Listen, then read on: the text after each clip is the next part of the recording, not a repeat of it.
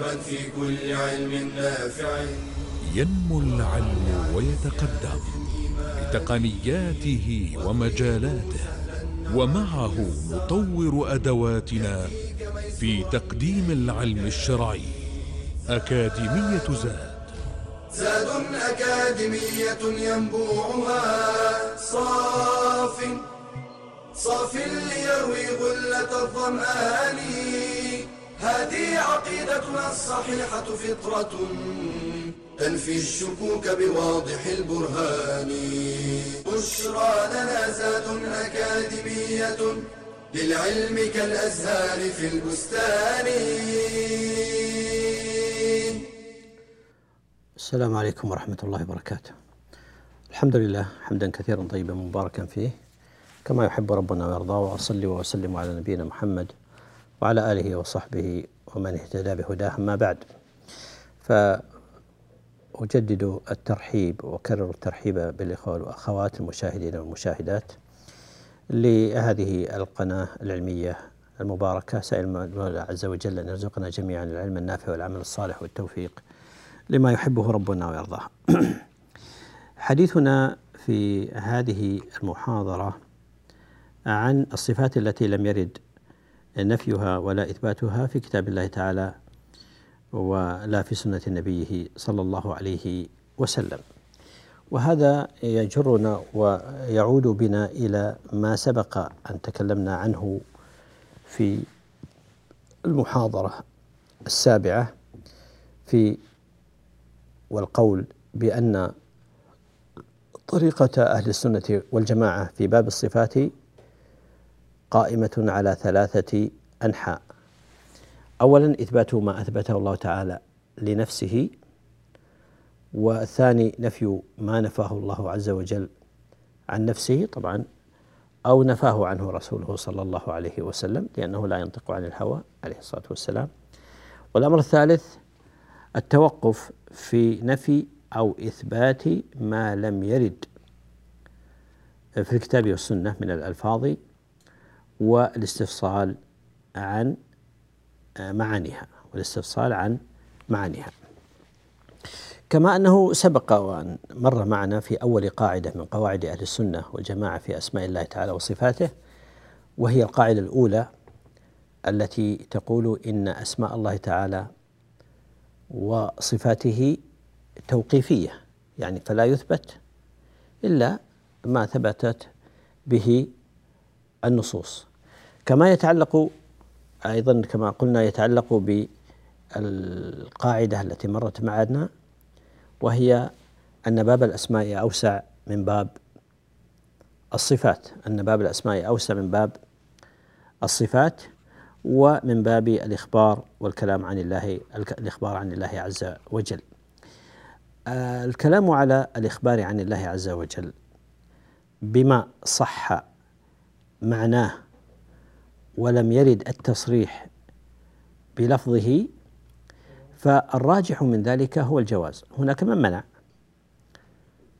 وقال لا نقول إلا بالنص الصريح الوارد من الكتاب والسنة.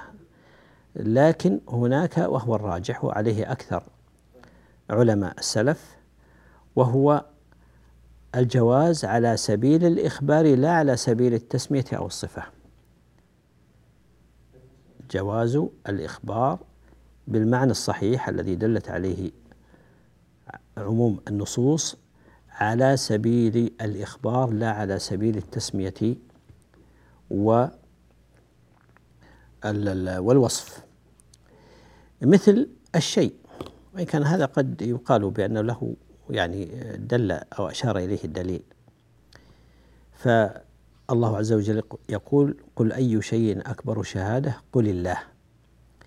فالشيء الله شيء سبحانه وتعالى. ومثل الموجود وهذا يعني معنى صحيح. لكن ليس من الأسماء الثابتة لله عز وجل الحسنى. ومثل القائم بنفسه كما يطلق عليه المتكلمون. واجب الوجود أيضا يدخل في هذا المعنى لصحة معناه. مثل الصانع وإن كان هذا له أصل. صنع الله الذي أتقن كل شيء لكن ليس من أسماء الله الحسنى. فهل يجوز إطلاقه على الله عز وجل أو لا؟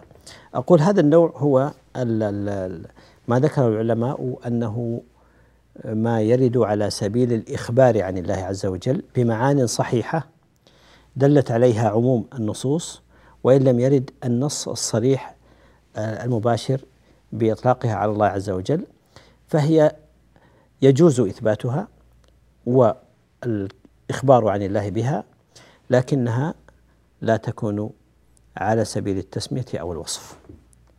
فهي تشارك الصفات والأسماء في جواز الإخبار عن الله بها وتخالفها في أنه لا يشتق منها لا لا تورد على سبيل التسمية والوصف فليس من أسماء الله عز وجل الشيء وليس من أسمائه عز وجل الصانع ونحوها من هذه الألفاظ.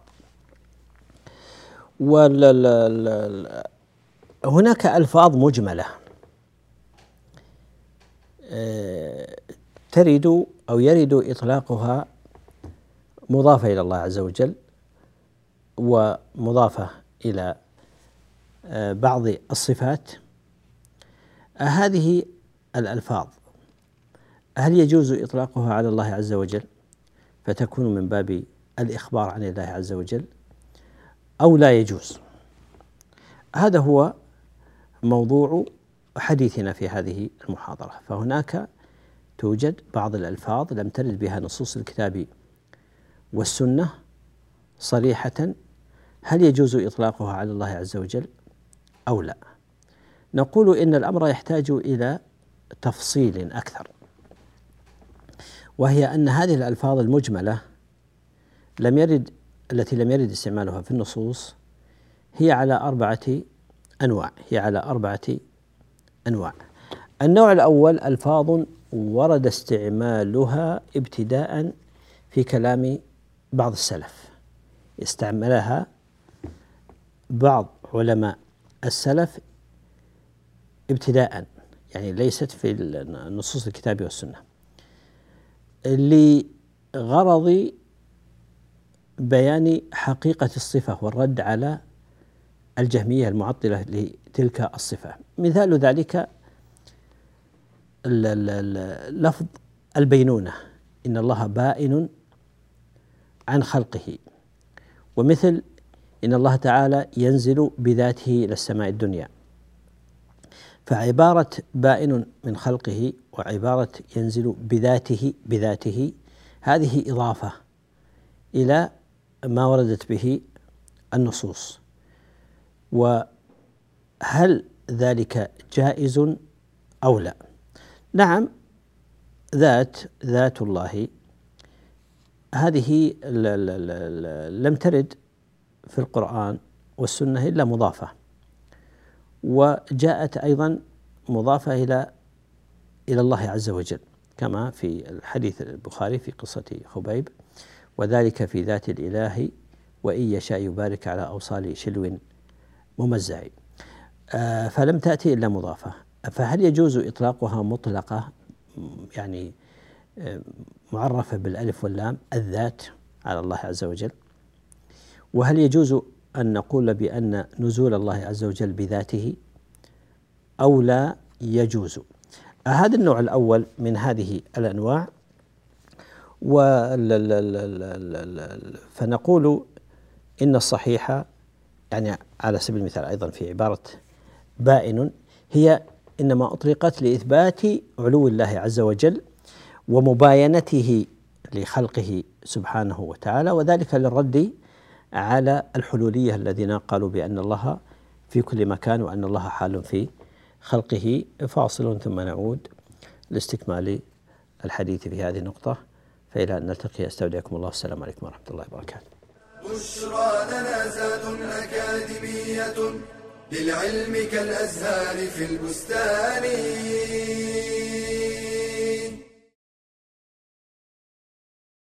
التعليم في الصغر كالنقش على الحجر. إنه كلام صحيح. ولكن ذلك لا يعني حرمان كبار السن من طلب العلم ولا ييأس كبير السن من التعلم.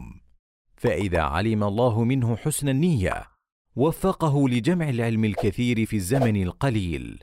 ولا يستحي كبير السن من الجلوس في حلق العلم مع الصغار. قال مجاهد لا يتعلم العلم مستحي ولا مستكبر. وزامل ابن الجوزي ابنه في تعلم القراءات العشر وهو ابن ثمانين سنة. فانظر إلى هذه الهمة العالية. وقد تعلم أصحاب النبي صلى الله عليه وسلم في كبر سنهم. وكذا كثير من العلماء كابن حزم والكسائي والعز بن عبد السلام. ولأن يتعلم المسن خير من أن يستمر على التفريط. سأل مسن أيحسن بمثل أن يتعلم؟ فقيل له لأن تموت طالبا للعلم خير من أن تموت قانعا بالجهل. وليعلم الكبير والصغير أن أبواب العلم مفتحة للراغبين. قال تعالى والذين جاهدوا فينا لنهدينهم سبلنا. وان الله لمع المحسنين.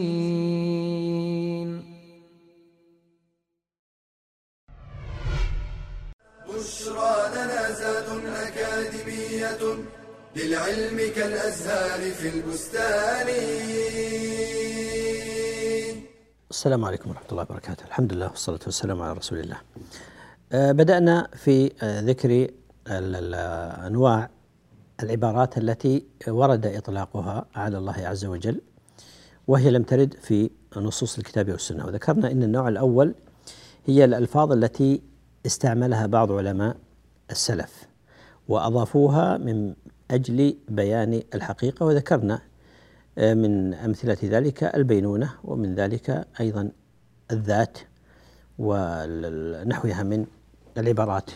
الحكم في هذه المسألة نقول والله أعلم والذي يظهر والعلم عند الله عز وجل أن الصواب في هذا أنه ما دام المعنى المقصود صحيح ما دام أن المعنى المقصود صحيح يوافق ما دلت عليه النصوص واستعمل ذلك اللفظ لتأكيد المعنى الصحيح فلا مانع من استعمالها.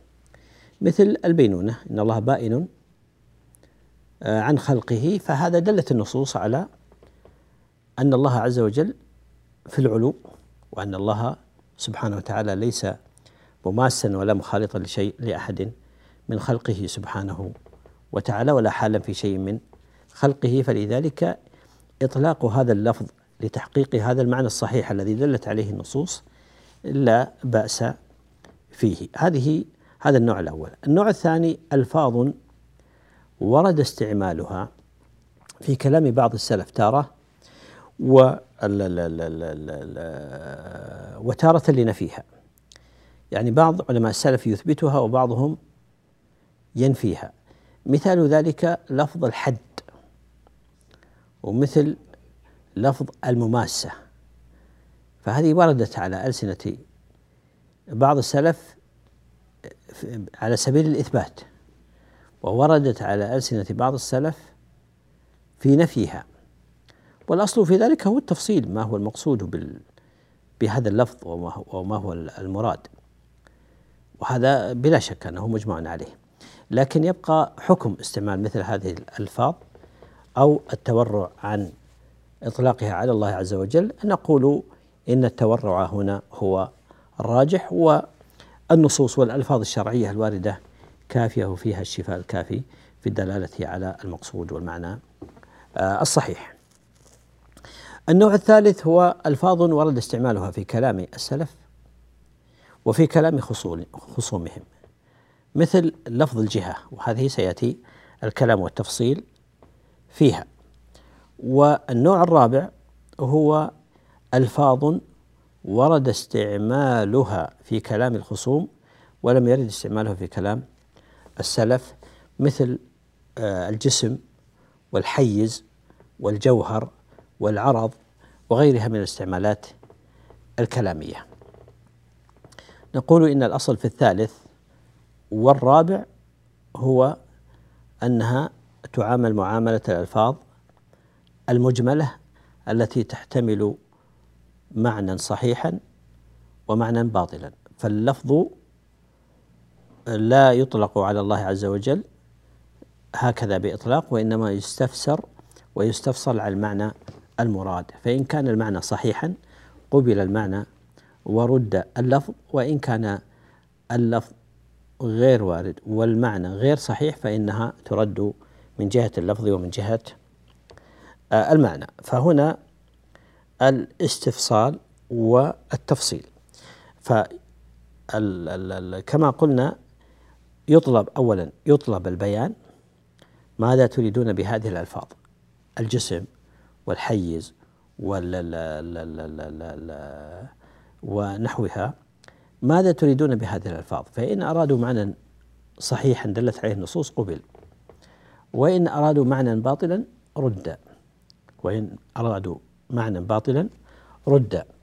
أو أن يمتنع عن موافقتهم آه، في التكلم بهذه الألفاظ نفيا وإثباتا والصحيح أنه الراجح والله أعلم أنه يختلف باختلاف المصلحة وحال المخاطب وما يترتب على ذلك فالمسألة فيها تفصيل. نأخذ على سبيل المثال لفظ الجهة. لو قال قائل إن الله في جهة أو سأل سائل هل الله تعالى في جهة؟ فتطبيقا للقاعدة السابقة التي أشرنا إليها أن يقال إن لفظ الجهة ليس في الكتاب ولا في السنة لا إثبات ولا, ولا نفيه فليس فيهما أنه في جهة وليس أنه ليس في جهة. كما أن النصوص فيها ما يغني عن هذا اللفظ الذي لم يرد في الكتاب والسنة وهو أنه جاء في النصوص إطلاق العلو لله عز وجل. وهذا هو الثابت.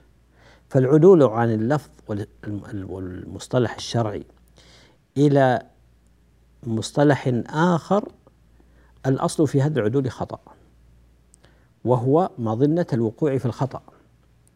وعليه فإنه عند إطلاق مثل هذا اللفظ يقال ماذا تعنون؟ بالجهة على القاعدة التي أشرنا إليها أن يقال أما اللفظ فلا نثبته ولا ننفيه. لماذا؟ لأنه لم يرد. في الكتاب والسنة والقاعدة عندنا أن الأسماء والصفات توقيفية.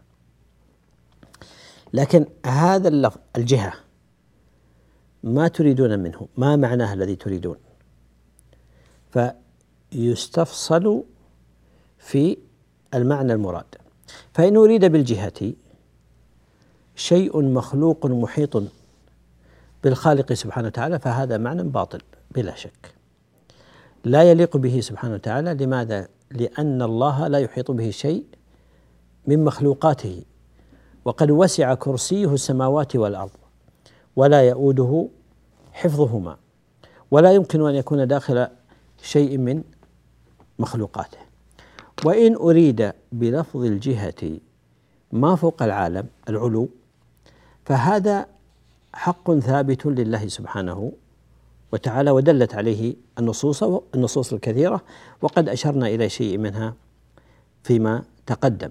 فإن الله تعالى فوق خلقه عال عليهم كما دل عليه الكتاب على ذلك الكتاب والسنة والإجماع بل والعقل والفطرة على ذلك. ونعلم حديث النبي صلى الله عليه وسلم في حديث معاوية بن الحكم لما ضرب جاريته وجاء إلى النبي صلى الله عليه وسلم متاسفا فقال النبي صلى الله عليه وسلم ائت بها. فسالها النبي صلى الله عليه وسلم قال آه لها صلى الله عليه وسلم قال لها أين الله؟ قالت في السماء. قال من أنا؟ قالت أنت رسول الله صلى الله عليه وسلم. قال عليه الصلاة والسلام أعتقها فإنها مؤمنة. فالنبي صلى الله عليه وسلم سألها أين الله؟ وأجابت إلى أنه في السماء. فإذا كان يراد السؤال ب أو إطلاق الجهة هذا المعنى فهذا ثابت لكن اللفظ لم يرد بلفظ الجهة. وعليه فإن الأسلم والأعلم والأحكم والأصوب هو الاقتصار على الألفاظ الشرعية ولا نعدل عنها إلى ألفاظ أخر مع أننا لسنا في حاجة إلى العدول عن هذا وإنما عدل عن الألفاظ الشرعية. إلى مثل هذه الألفاظ بعض المخالفين من أجل نفيها عن الله عز وجل واعتبار أن إثبات العلو لله عز وجل هذا يلزم منه إثبات الجهة والجهة منفية عن الله عز وجل فلذلك ننفي صفة العلو لله سبحانه وتعالى. فهذا هو المأخذ وهذا هو الجانب الخطر في مثل هذا الموضوع الموضوع. فعليه أن الأصل أنه يستفصل ويستفسر من أطلق مثل هذا التعبير ماذا تعني. فإن عني معنى صحيحا قبل المعنى ورد اللفظ وأرشد إلى الاستعمال الصحيح أن نستعمل الألفاظ الشرعية فهي الأعلم والأسلم والأحكم ولا نعدل عنها إلى مثل هذا الاصطلاح واللفظ المجمل الذي يحتمل معنى حقا ومعنى باطلا. وإن كان يعني بالجهة يعني أن المخلوقة تحيط بالخالق سبحانه وتعالى فالله منزه عن ذلك. فاصل ثم نعود لاستكمال الحديث في هذا الموضوع. إلى أن نلتقي أستودعكم الله. والسلام عليكم ورحمة الله. بشرى لنا زاد أكاديمية للعلم كالأزهار في البستان.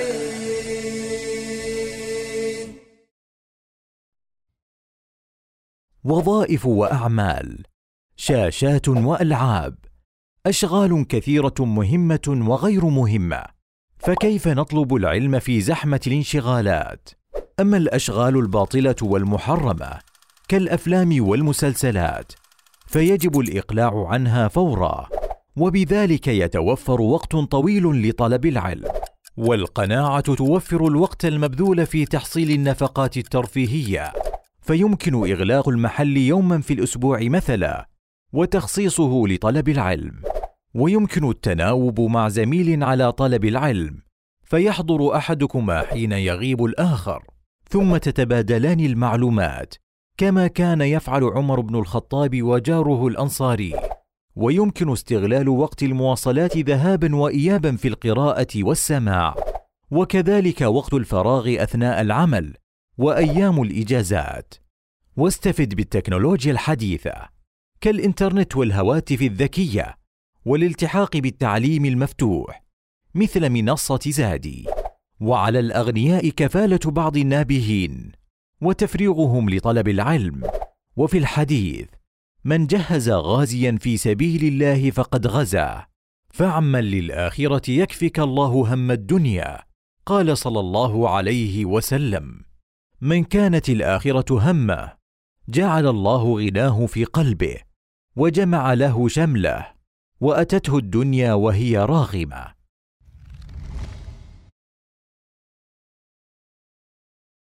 بشرى لنا زاد أكاديمية للعلم كالأزهار في البستان.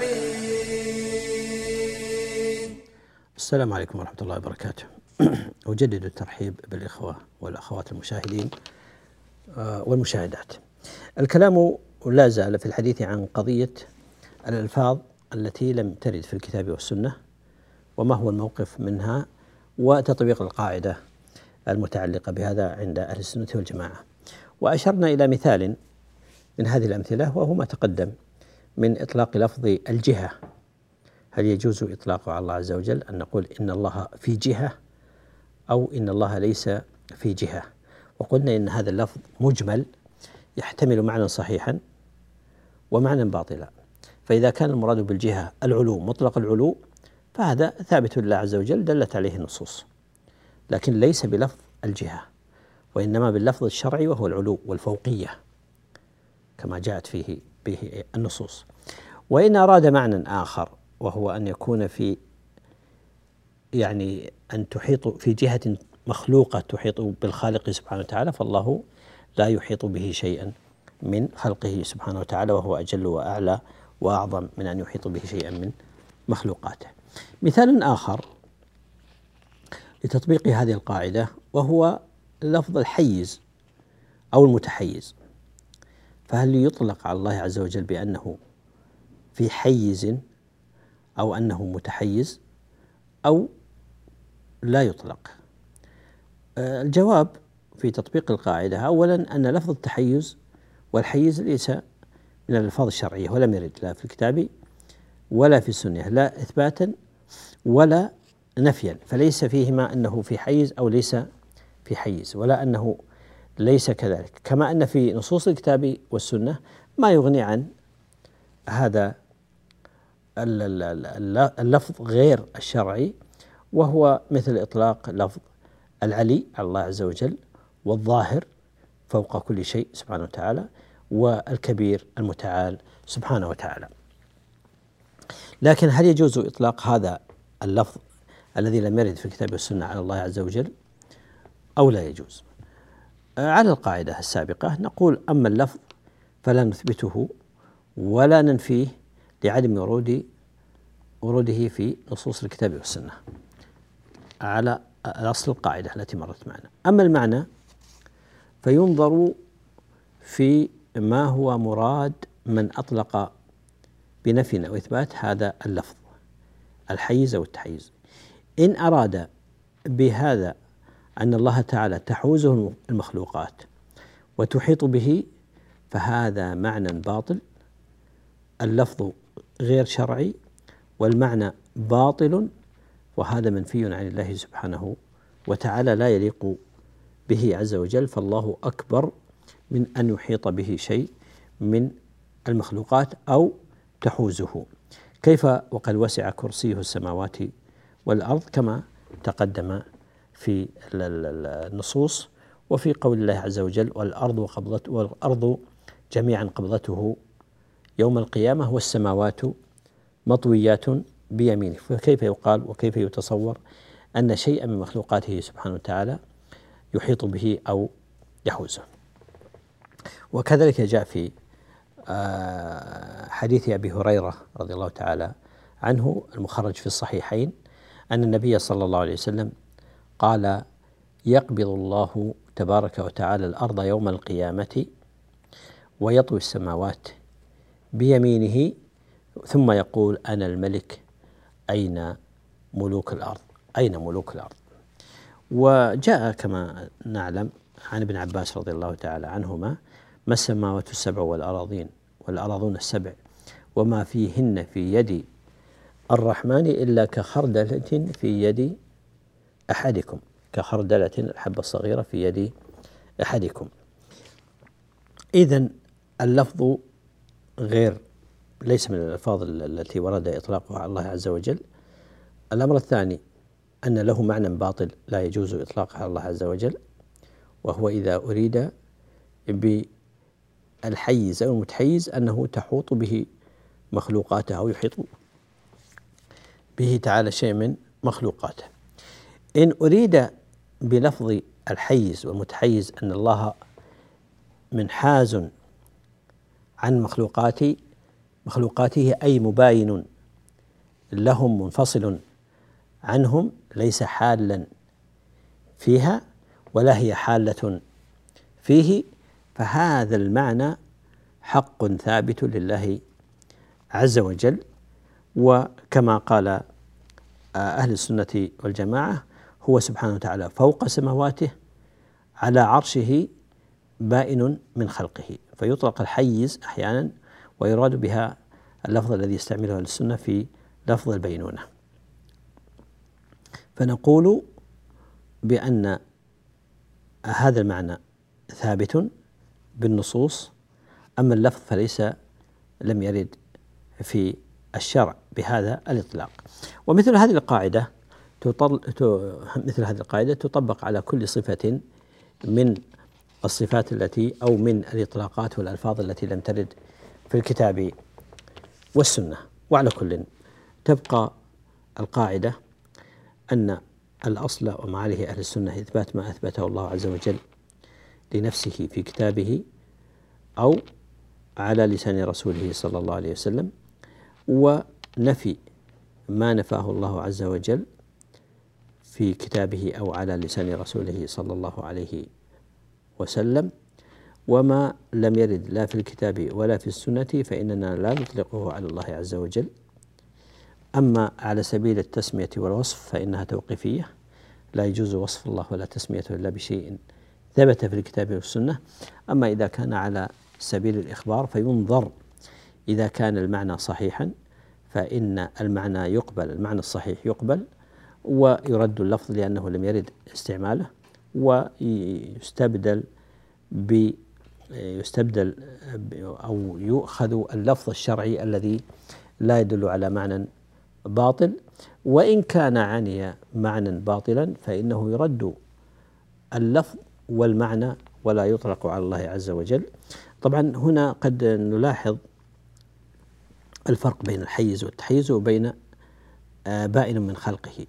البينونة وردت على ألسنة السلف رحمه الله تعالى والمقصود بذلك هو تأكيد نفي دعوى أن الله حال آه، في مخلوقاته دعوى الحلول والاتحاد ودعوى أن الله في كل مكان كما يزعم نفاة العلو لله عز وجل. أما الحيز والتحيز فهي من الألفاظ التي استعملها المتكلمون. والمراد بها أنهم يزعمون إننا إذا نفينا إذا أثبتنا العلو لله عز وجل فهذا يلزم منه إثبات أن الله متحيز في جهة من الجهات والله منزه عن ذلك فيبنون على مثل هذه الألفاظ. المجملة يبنون عليها نفي الصفات الثابتة لله عز وجل كالعلو والفوقية المطلقة لله عز وجل فوقية القدر وفوقية القهر وفوقية الذات ذاته سبحانه وتعالى. فلذلك نلاحظ الفرق بين استعمال البائن من خلقه وبين آه، الحيز والمتحيز. فالبائن من خلقه اولا هي استعمال سلفي وردت على ألسنة علماء السلف يراد بها إثبات الحقيقة التي دلت عليها النصوص وهي إثبات علو الله عز وجل وفوقية على خلقه وأنه ليس مخالطا ولا حالا في شيء من مخلوقاته. أما لفظ الحيز والتحيز والجهة فهذه من الاستعمالات التي جاءت على ألسنة المتكلمين ويريدون من ذلك الإلزام بأننا إذا أثبتنا الله عز وجل له أثبتنا لله عز وجل العلو فإنه يلزم أن يثبت له الجهة والتحيز وهذه لا تليق بالله عز وجل فبناء عليه ينفون أصل الصفة وهي وهي إثبات علو الله سبحانه وتعالى. ولذلك نؤكد أن الأصل في هذا كله هو الالتزام بالألفاظ الشرعية دون العدول عنها البتة. والاستمساك بذلك فهي الأسلم والأعلم والأكمل والأصوب. أما الألفاظ الأخرى المجملة فإنها تحتمل معان صحيحة وأخرى باطلة. فإن رددتها بإطلاق قد تكون رددتها حقا وإن قبلتها بإطلاق تكون قد قبلت باطل. فلذلك الأصل في ذلك هو الاقتصار على الألفاظ الشرعية. بهذا نكتفي إلى أن نلتقي. نستودعكم الله الذي لا تضيع ودائعه. والسلام عليكم ورحمة الله وبركاته. تلك العلوم دروسها ميسورة في صرح علم الراسخ الأركان. بشرى لنا بشرى لنا بشرى لنا زاد أكاديمية للعلم كالأزهار في البستان.